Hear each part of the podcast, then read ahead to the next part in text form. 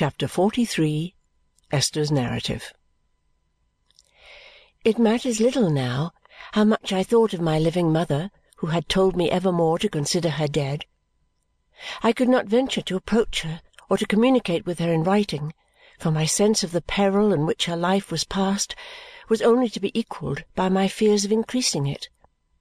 Knowing that my mere existence as a living creature was an unforeseen danger in her way, I could not always conquer that terror of myself which had seized me when I first knew the secret.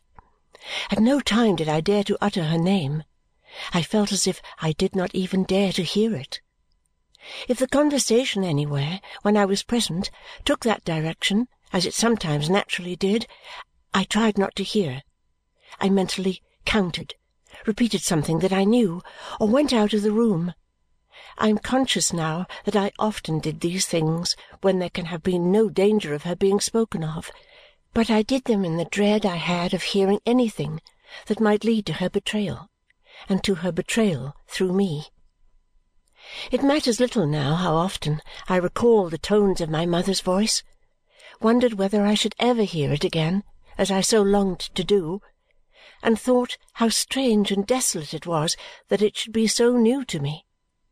It matters little that I watched for every public mention of my mother's name, that I passed and repassed the door of her house in town, loving it, but afraid to look at it, that I once sat in the theatre when my mother was there and saw me, and when we were so wide asunder before the great company of all degrees that any link or confidence between us seemed a dream it is all, all over.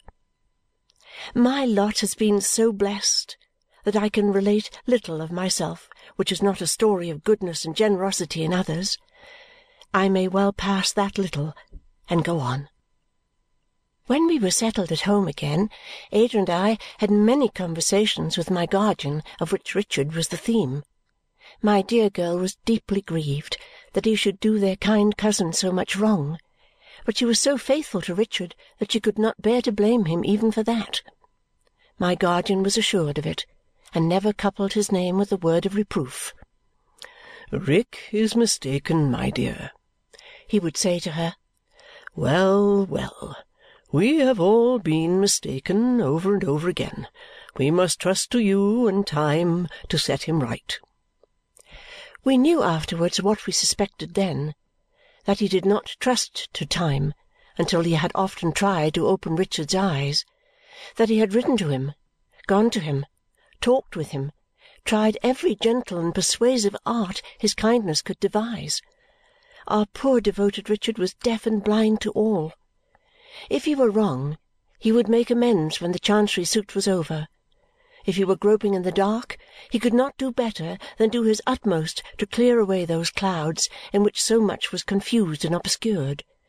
Suspicion and misunderstanding were the fault of the suit. Then let him work the suit out and come through it to his right mind. This was his unvarying reply, Jarndyce and Jarndyce had obtained such possession of his whole nature that it was impossible to place any consideration before him which he did not, with a distorted kind of reason, make a new argument in favour of his doing what he did. "So that it is even more mischievous," said my guardian once to me, "to remonstrate with the poor dear fellow than to leave him alone. I took one of these opportunities of mentioning my doubts of Mr. Skimpole as a good adviser for Richard. "Adviser?" returned my guardian, laughing. "My dear, who would advise with Skimpole?" "Encourager would perhaps have been a better word," said I. "Encourager!" returned my guardian again. "Who could be encouraged by Skimpole?" "Not Richard?" I asked.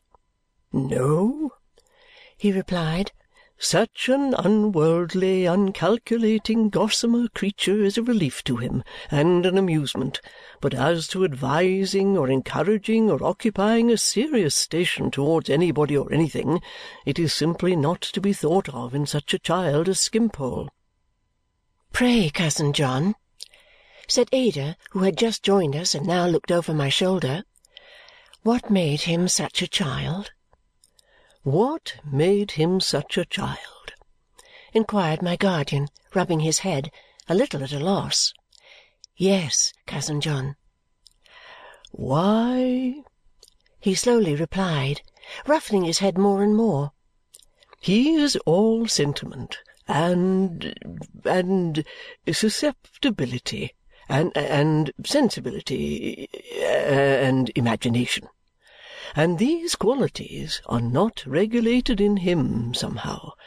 I suppose the people who admired him for them in his youth attached too much importance to them and too little to any training that would have balanced and adjusted them, and so he became what he is. Hey!" said my guardian, stopping short and looking at us hopefully. "What do you think, you two?" Ada, glancing at me, said she thought it was a pity she should be an expense to Richard. "So it is, so it is," returned my guardian hurriedly. "That must not be. We must arrange that. I must prevent it. That will never do." And I said I thought it was to be regretted that he had ever introduced Richard to Mr. Vholes for a present of five pounds. "Did he?" said my guardian, with a passing shade of vexation on his face. "But there you have the man. There you have the man. There is nothing mercenary in that with him. He has no idea of the value of money. He introduces Rick, and then he is good friends with Mr. Vholes and borrows five pounds of him. He means nothing by it, and thinks nothing of it. He told you himself, I'll be bound, my dear." "Oh, yes," said I. "Exactly!" cried my guardian, quite triumphant. There you have the man. If he had meant any harm by it or was conscious of any harm in it, he wouldn't tell it. He tells it as he does it in mere simplicity. But you shall see him in his own home, and then you'll understand him better. We must pay a visit to Harold Skimpole and caution him on these points. Lord bless you, my dears, an infant, an infant! In pursuance of this plan, we went into London on an early day and presented ourselves at Mr. Skimpole's door. He lived in a place called the Polygon in Somers Town, where there were at that time a number of poor Spanish refugees walking about in cloaks, smoking little paper cigars. Whether he was a better tenant than one might have supposed, in consequence of his friend somebody always paying his rent at last or whether his inaptitude for business rendered it particularly difficult to turn him out, I don't know, but he had occupied the same house some years. It was in a state of dilapidation quite equal to our expectation. Two or three of the area railings were gone, the water butt was broken, the knocker was loose, the bell handle had been pulled off a long time to judge from the rusty state of the wire, and dirty footprints on the steps were the only signs of its being inhabited. A slatternly, full-blown girl who seemed to be bursting out at the rents in her gown and the cracks in her shoes like an over-ripe berry answered our knock by opening the door a very little way and stopping up the gap with her figure. As she knew Mr. Jarndyce indeed Ada and I both thought that she evidently associated him with the receipt of her wages she immediately relented and allowed us to pass in. The lock of the door being in a disabled condition, she then applied herself to securing it with the chain, which was not in good action either, and said would we go upstairs.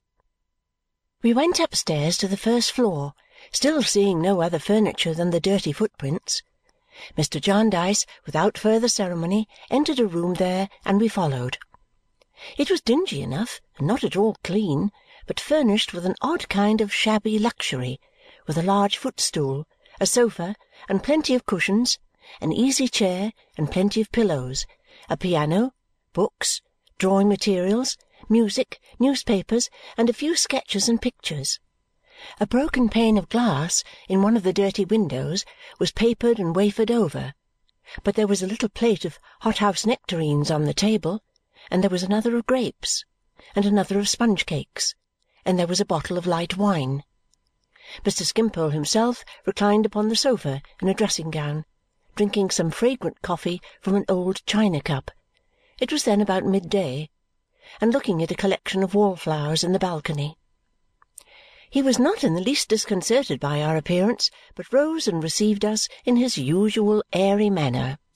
"Here I am, you see," he said when we were seated, not without some little difficulty, the greater part of the chairs being broken.